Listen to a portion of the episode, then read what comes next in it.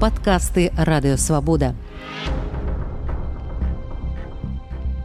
Што вядома пра палітвязня філёзафа владимира мацкевіча? Што насамрэч адбываецца ў каардынацыйнай радзе як да гэтага паставіўся бы мацкевіч? Наша тэма дня І наша гостця сябра каардынацыйнай рады кандыдат педагагічных навук метадолях Святлана Мацкевіч, якая прадстаўляе згуртаванне сваякоў і былых палізняволеных. добрый дзень спадарня Святлана. Добрый дзень. Сёння ў нас тры асноўныя тэмы для размовы. Я хацела вам прапанаваць сітуацыі найперш з Владзімірам Мацкевічам, таксама нарада лукашэнкі з рэктарамі ВНУ і спробу ўладаў спыніць ад'езд студэнтаў, а таксама крызісу каардынацыйнай радзе. Я прапаную пачаць ну з галоўнага Што вядома пра владимира мацкевіча? Ну вот у гэтыя дні два гады таму ён пачынаў галадоўку пратэсту. Ён дамагаўся тады змены меры стрымання на падпіску аб нявыездзе завяршэння следчых дзеянняў прызначэння даты суду. За два гады шмат чаго адбылося. Філёзаф перанёс аперацыю ён піша кнігу магілёўскай турме. Што вядома пра яго стан здароўя пра ягоны настрой пра ягоную інтэлектуальную дзейнасць Ну, особо большой информации мы пока не имеем. Э, то есть э, мы в курсе о том, что есть определенные там проблемы со здоровьем, но он как бы отбывает срок и продолжает э, писать, читать в тех условиях, насколько это возможно. Ну и последнее событие, которое, в общем-то, произошло, это вот вчера состоялась презентация его книги лекции введения в философию, которая была прочитана в 2008-2009 году, где, собственно, Владимир и ну, раскрывает основные, так скажем, а, направления своей не теории, так скажем, а своего такого подхода, философского подхода к проблемам Беларуси, к... и эта книга, на мой взгляд, является сейчас достаточно актуальной – и помогает лично мне в том числе решать много вопросов, там, и связанных и с образованием, и с политической ситуацией. Я хотела у вас удакладніць э, вот про аперацыю, якую перанёс спадар Владимир. Э, маем шмат сведчанняў ад людзей, якія прайшлі турмы пра стан турэмнай медыцыны і, і тое, што чалавек трапіў у шпіталь, тое, што была гэтая аперацыя. А, ці маглі б вы больш дэтальна расказаць пра тое, што вядома і наколькі крытычна, некрытычна цяпер яго стан? ну, на данный момент э, эм, состояние не критичное, э, то есть он прошел стадию реабилитации, и, э, так скажем, новых сведений об ухудшении его здоровья именно по этому диагнозу, по которому проходила операция, у нас нету. Да? То есть есть там незначительные другие другие сложности, там связанные с опорно-двигательным аппаратом, насколько я так понимаю, поскольку приходится мало двигаться, то есть определенные боли там в спине. Ну, вот э, пока эта ситуация, э, как он сам считает, не критична, и, и как-то там он с этим справляется. Палітвязні за кратамі зведваюць дадатковыя рэпрэсіі это шиза ПКТ пра што праходзіць спадар Владимир Пока на данный момент, э, мне кажется, ситуация более-менее устоялась, и каких-то таких резких э, движений в этом направлении, там, ухудшения репрессий внутри тюремного заключения нет. А, но, насколько я так понимаю, что власти сейчас ориентируются не на внутритюремное давление, сколько на внешние, переключились на внешние репрессии более активно, особенно это связано перед выборами вот, вот это верховное, э, в народное это собрание. И как мне кажется, то есть, ну, вы в курсе, что в январе там прошло такое массовые обыски, аресты родственников политзаключенных. И, в общем-то, каждый день э, продолжают э, эти аресты в разных направлениях, на разных территориях. То есть репрессии не останавливаются. Э, но периодически, я так понимаю, просто идет э, переключка делаются разные акценты то на внутритюремные э, усиление давления, то на внешнее, так скажем. Сейчас, на данный момент, как мне кажется, больше идет акцент со стороны властей на репрессии внешние. И поэтому, в общем-то, машина работает, не останавливается. И это большой вопрос, как ее, в принципе, можно ли остановить. Якое ваше меркаванне ну не тое як ее остановить а что до вызвалення палізняволеных Я думаю что у вас, у вас ёсць пазіцыя ў гэтым пытанні Магчыма гаспадара владимира таксама ёсць свая пазіцыя маглі б вы ее выкласці Я не знаю какая сейчас позиция у владимира в этом плане я скорее как э, представитель там объединения родных политзаключенных и бывших политзаключенных, э, и как член Координационного совета рабочей группы, которая готовила слушание в Координационном совете по освобождению политзаключенных, у меня в этом плане была своя э, достаточно четкая позиция а, по э, тому, что мы должны избирать такую согласованную тактику под названием условно переговоров. То есть это тактика, даже не стратегия, которая в частности, не отрицает и э, использование санкций, применение санкций, но и такое переформатирование под задачи освобождения политзаключенным и э, таким образом э, давление на режим, да, осуществление давления не просто такое однолинейное, а скорее такое ориентированное на то, что рано или поздно нам все-таки придется контактировать с, режимом и свои требования по освобождению политзаключенных достаточно жестко и четко выставлять. Но для того, чтобы выйти на такой формат давления, так скажем, контактное, и выставление этих требований нужно пройти достаточно сложный подготовительный этап через посредников, через западных посредников, через э, э, так скажем, использование других методов разного рода, там, через переговоры с Украиной, создание гуманитарного э, трека отдельного. И поэтому в этом плане я инициировала, да, вот э, скорее вот такую вот тактику гуманитарного трека, Потому что я считаю, что, собственно, независимо от того, какая политическая ситуация складывается, там, побеждаем мы, не побеждаем, в осаде мы или не в осаде, или режим в осаде. А, задача политзаключенных будет стоять всегда до тех пор, пока она не будет выполнена.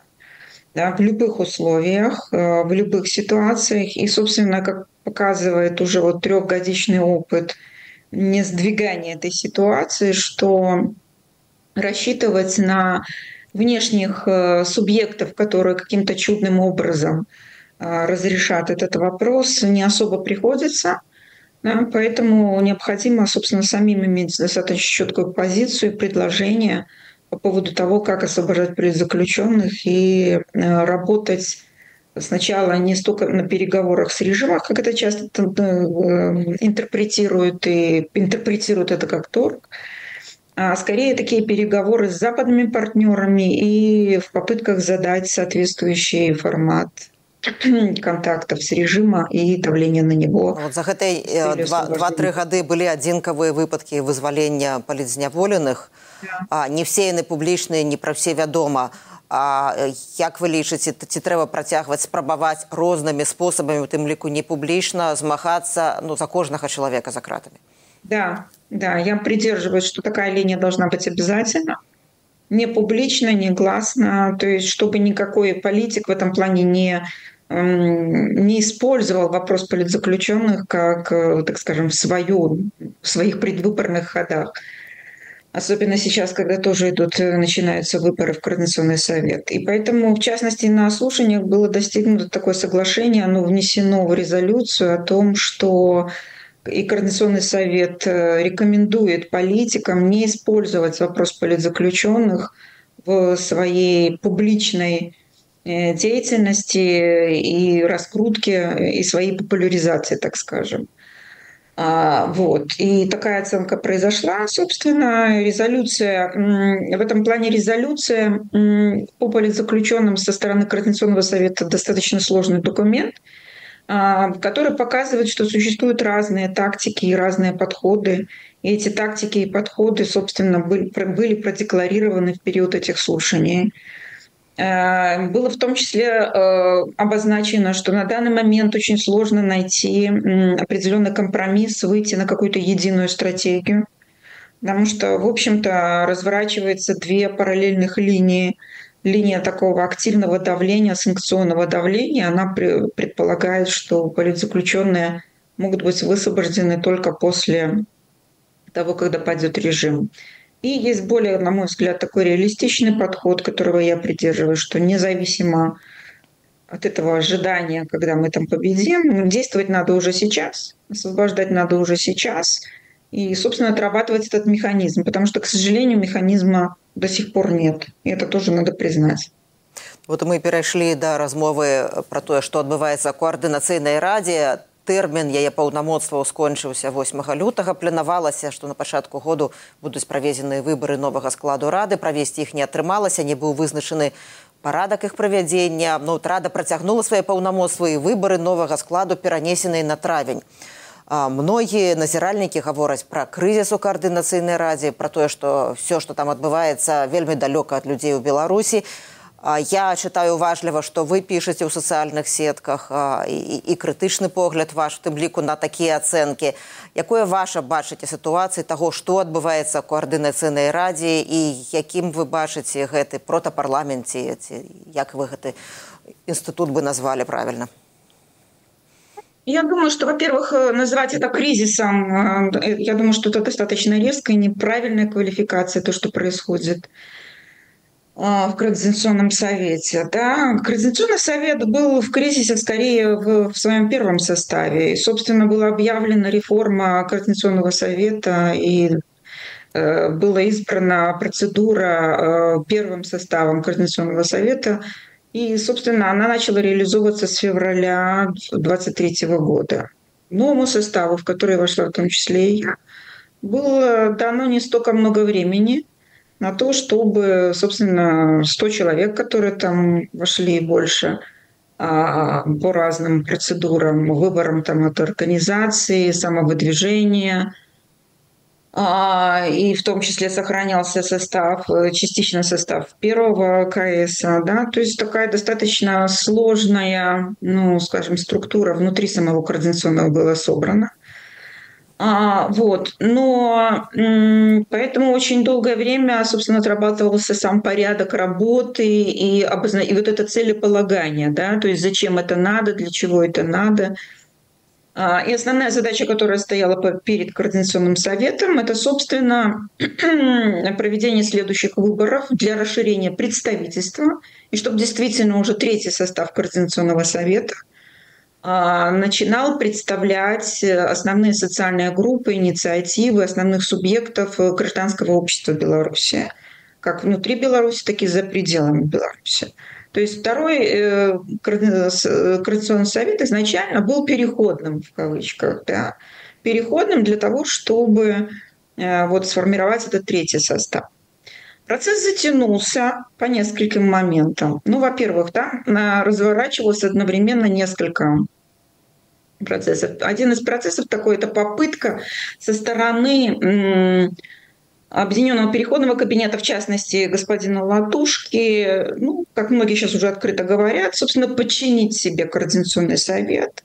И мы это квалифицировали, и я это квалифицировала, как такая попытка выстроить свою собственную вертикаль и возврат, и такую микромодель тоже авторитаризма, вот, поэтому, да, приходится поднимать э, принципиальные вопросы, в частности, о том, что э, новую систему власти или такую микромодель мы должны начинать сейчас опробировать и выстраивать не по принципу вертикали, да, а по принципу, э, и даже не по принципу подчинения, а по принципу разделения властей да, когда существует э, три основные ветви власти, э, и мы их должны как бы с нуля фактически создавать, сразу это не появляется. И основная как бы ветвь власти, которая должна присутствовать, это, собственно, парламентская власть. И КС на сегодняшний день это представляет такой своеобразный протопарламент э, небольшого, но представительства. Вот. И поэтому разворачивался основной вот такой вот как бы сначала негласный конфликт, э, его была попытка Э, это выставить как такой коммунальный, персональный, я не знаю, как это еще там называть, да, но даже вопреки таким условиям КС продолжал делать, э, работать, э, существовать.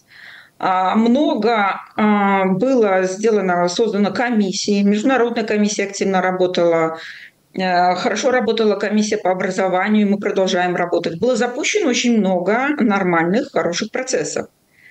А, вот, которые нужны и необходимы. И, естественно, собственно, вот этого времени нам не хватило. А, это не совсем верно, в частности, в том, что не была отработана процедура. А, процедура координационным советом была отработана в период и в правильные сроки. Но и, в принципе, Координационный совет мог действовать независимо от э, других своих э, как бы, партнеров и других ветвей власти. Объединенного переходного кабинета, который условно представляет исполнительную власть, и э, офиса Светланы Тихановской, который условно как бы протопрезидентская власть. А, и, э, в принципе, КС мог уже э, в период своих полномочий и сроков запускать эту процедуру. Но было решено Э, Координационным советом, в частности, достигнуть согласия и договоренностей с другими ветвями власти. И такая была создана специальная э, группа, такая межинституциональная группа, которая, собственно, э, должна была отработать вот, вот этот механизм выборов. Поэтому было внесено предложение Координационным советом создать эту и внести уже решение, которое было принято и проголосовано в Координационном советом вовремя. А, Светлана, я тут, а, это, это, это... Вы, вы так падрабязна детально описываете гэты працэс у меня ёсць засцярогі што людзі якія нас слухаюць а у нас больш за 80% аўдыторыі это людзі якія знаходзяцца ў беларусі ну што ў іх я, яны не зусім разбіраюцца ва ўсіх гэтых працэдурных момантах а для іх ну важна ведаць што гэта можа даць для пераменаў для таго каб штосьці змянілася ў беларусі. Вот это такое глобальное пытанне магчыма ім разбірацца як вот это все гэта даволі складана і магчыма гэта ім будзе не, не, не так важно а я, я, я да чаго гэта гавару я вот заўсёды чытала владимира мацкевича калі ён быў на, на свабодзе і ён заўсёды да многіх ініцыятываў вылучаўся таким ну нестандартным часам скептычным і крытычным поглядам. А як бы ён рэагаваў цяпер на вот на на вот на все гэтыя працэсы? Ці ён быў ўвайшоў у каардынацыйную раду як вы мяркуеце калі б увайшоў што б ён там ініцыяваў што б гаварыў а, ну я могу только догадываться чтобы владимир сделал а, в первый состав Координационного совета он не вошел, хотя, я так понимаю, там было, были собраны спос, э, подписи за него тогда, и я тоже в том числе собирал, ну, голосовала за него, чтобы он вошел в Координационный совет. Однако его персональное решение было, что в него не входит. Именно по этим причинам, что не отработана процедура вот этого народного представительства в Координационном совете была изначально. И поэтому представляли Координационный совет исключительно каждый сам себя представлял. А, и вместо этого, в общем-то, он включился в другой процесс, включился в процесс схода, да, а, где шло представительство там, от дворов и так далее. Именно по этой статье это ему меняли сход дальше как одну из статей по его аресту и дальнейшему суду. А, вот. Поэтому сход он в этом плане рассматривал скорее более демократичным процессом, прото таким демократическим процессом, чем Координационный совет. А, однако уже второй Координационный совет, как мне кажется, он бы уже в него вошел, если бы он не был арестован и работал здесь. И что бы он делал? Он бы работал так, как мы работаем сейчас там, его ученики, я, Андрей Егоров и так далее. Да? То есть наша задача в этом плане стояла, чтобы Координационный совет начинал обретать эту легитимность. Что же даст это, собственно, белорусскому народу? Естественно, само вот такое вот широкое представительство, отдельно как Координационный совет, как субъект там, протовласти, не может, так скажем, сразу одночасье победить режим. Вот взяли и победили. Да? То есть это не, не та ситуация. А, а это определенного рода площадка, на которой э, разные представители обществ могут вносить свои предложения и влиять на принятие стратегических решений. И параллельно еще формировать вот это вот э, другой тип как бы демократической власти. Да? И, и это, это то, чего не было сделано, чего у нас не было готово к 2020 году. Да? Все вышли на, многие вышли на протесты, Однако управлять этим процессом, нормально управлять этим процессом, для того, чтобы заменить э, действующую власть на другую власть, да, вот этого процесса как бы не было. И поэтому в этот период сейчас, вот такого межвластия, да, у нас встает задача это, собственно, создать по новой. Да, и создать не по прототипу как это делает Лукашенко, да, то есть против одной авторитарной власти другую. Да. Мы должны вот выстроить практически с нуля э, совершенно другой, э, другую систему управления. И вы у третий склад это, координационной это... рады так само будете вылучаться, так? Да. Потому что это мое, в частности, профессиональное решение. У меня очень много задач, которые я запустила в Координационном совете. Это и вопрос по этической комиссии, был принят этический кодекс. Это и работа по системе образования, по реформе образования. И там нам дости- удается все-таки достигнуть более-менее нормального компромисса с офисом Тихановской, с э, переходным кабинетом в том числе, и отработать какую-то более-менее хотя бы в этой сфере нормальную линию, стратегическую линию. Вот сейчас планируется в том числе и слушание по образованию. Э, да, и это та функция, которая должна выполняться функции э, парламентские протоструктурами. Да, и поэтому вот я, я буду продолжать эту работу. Я не могу ее просто бросить. Это моя Дякую, дякую вялікі за ваше тлумачэнне. Мы будем сачыць за тым, як будуць развівацца падзеі вакол коаардынацыйнай рады і дзейнасці коаардынацыйнай рады. І якраз на тэму адукацыі я таксама хацела з вами пагаварыць. А, вот учора у аўторак адбылася нарада Александра Лукашэнкі з рэктарамі ВНУ. А, я не хацела б шмат цытаваць з таго, што адбывалася. Ну, можна так, калі звесці да галоўнага што там было сказана. Ну сэнс такі што можна зрабіць каб студэнты маладыя людзі не з'язджалі з беларусій ну і як это спробу як вярнуць все да савецкіх узораў вышэйшай адукацыі. Як бы вы адказалі на пытанне чаго хоча лукашенко ад сістэмы вышэйшай адукацыі што ён як бы з ёй рабіў усе гэтай гады працягвае рабіць і што насамрэч патрэбна грамадству і студэнтам ад сістэмы вышэйшай адукацыі Лукашенко хочет эту систему образования, уже было понятно давно. Да? Он хочет, он всегда использовал систему высшего образования, белорусского образования в своих политических э, целях. Да? А высшее учебное заведение для Лукашенко это были всегда места э, для проведения избирательной кампании. И поэтому его меньше всего интересовало, интересовало качество образования там и еще чего-то. Да? То есть для него это такой социальный инструмент, массовый социальный инструмент, через который прокручивается тысячи, миллионы людей, да, через который он может управлять вот этими вот процессами, политическими процессами.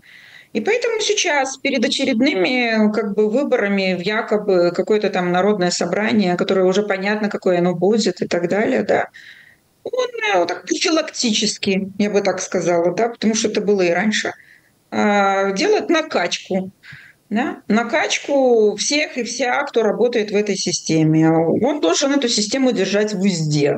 И он прекрасно понимает, что через эту систему, которая работает с массовым сознанием, с просвещением людей, да, э, это создает определенную угрозу для него, э, для режима, потому что режиму на сегодняшний день, белорусскому обществу, предъявить нечего, кроме репрессий и кроме подавления и страха. Да? Ничего не может этот режим ни в плане нормального экономического развития и включения Беларуси э, в нормальные современные процессы. Содержания у них нет – и поэтому у них остается единственный способ – это работать с массовым сознанием, запугивать и держать всех в узде. И поэтому о, вот так. Он использует эту систему образования. Что же хотят студенты?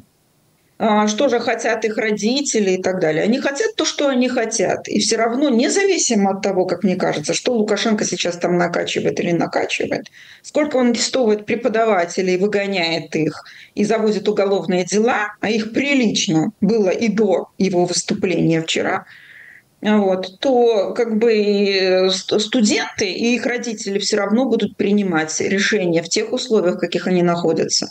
Да? То есть одни будут продолжать обучаться в вузах, белорусских вузах, в тех, какие они есть, и просто потому, что у них нет другого выхода. И это надо признать. Да? А те, кто могут, те будут уезжать. Ну, естественно, режим будет выставлять всякого рода препятствия, там, формальные препятствия. Там не будут отдавать аттестаты, документы. Преподаватели, преподавателям будут угрожать, вводить запрет на профессии. Да? Я сама имею четыре запрета на профессию фактически. Да? Так это было с периода 90 там какого-то года. Да? И причина основная – это то, что как бы любая сейчас трансляция знания, причем все равно какого, философского, гуманитарного, даже естественно-научного, любое просвещение для э, режима Лукашенко представляет определенного рода угрозу. Да? Потому что его задача режима – это всех, как я говорю, обезумить, да? отключить мозги, отключить ум. Э, и любая трансляция знания да, э, составляет вот эту альтернативу. Да? Любой выход преподавателя сейчас в аудиторию, и э, даже все равно, что он при этом говорит, да, э, является для него, ну так скажем, лишним элементом да, который мешает мешает обезумевать, а, обезумевать страну, да, исключать мышление.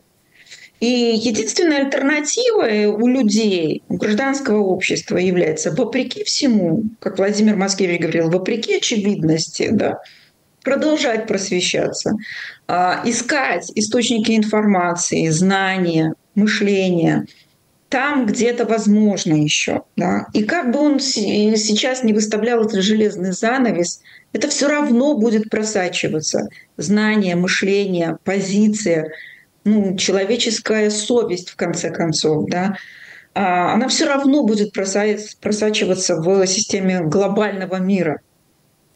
Святлана дзякуй вялікі дзякуй дзякуй вялікі што знайшлі час для свабоды прэміум дзякуй што падзяліліся сваёй экспертызай гэта была сябра каардынацыйнай рады кандыдат педагагічных навук метадолях Святлана Мацкевіч я Ганна Соусь развітваюся з вами. Заставайцеся са свабодай і ў бяспецы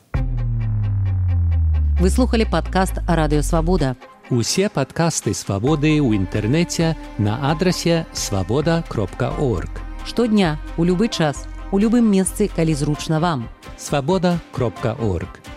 Ваша свобода.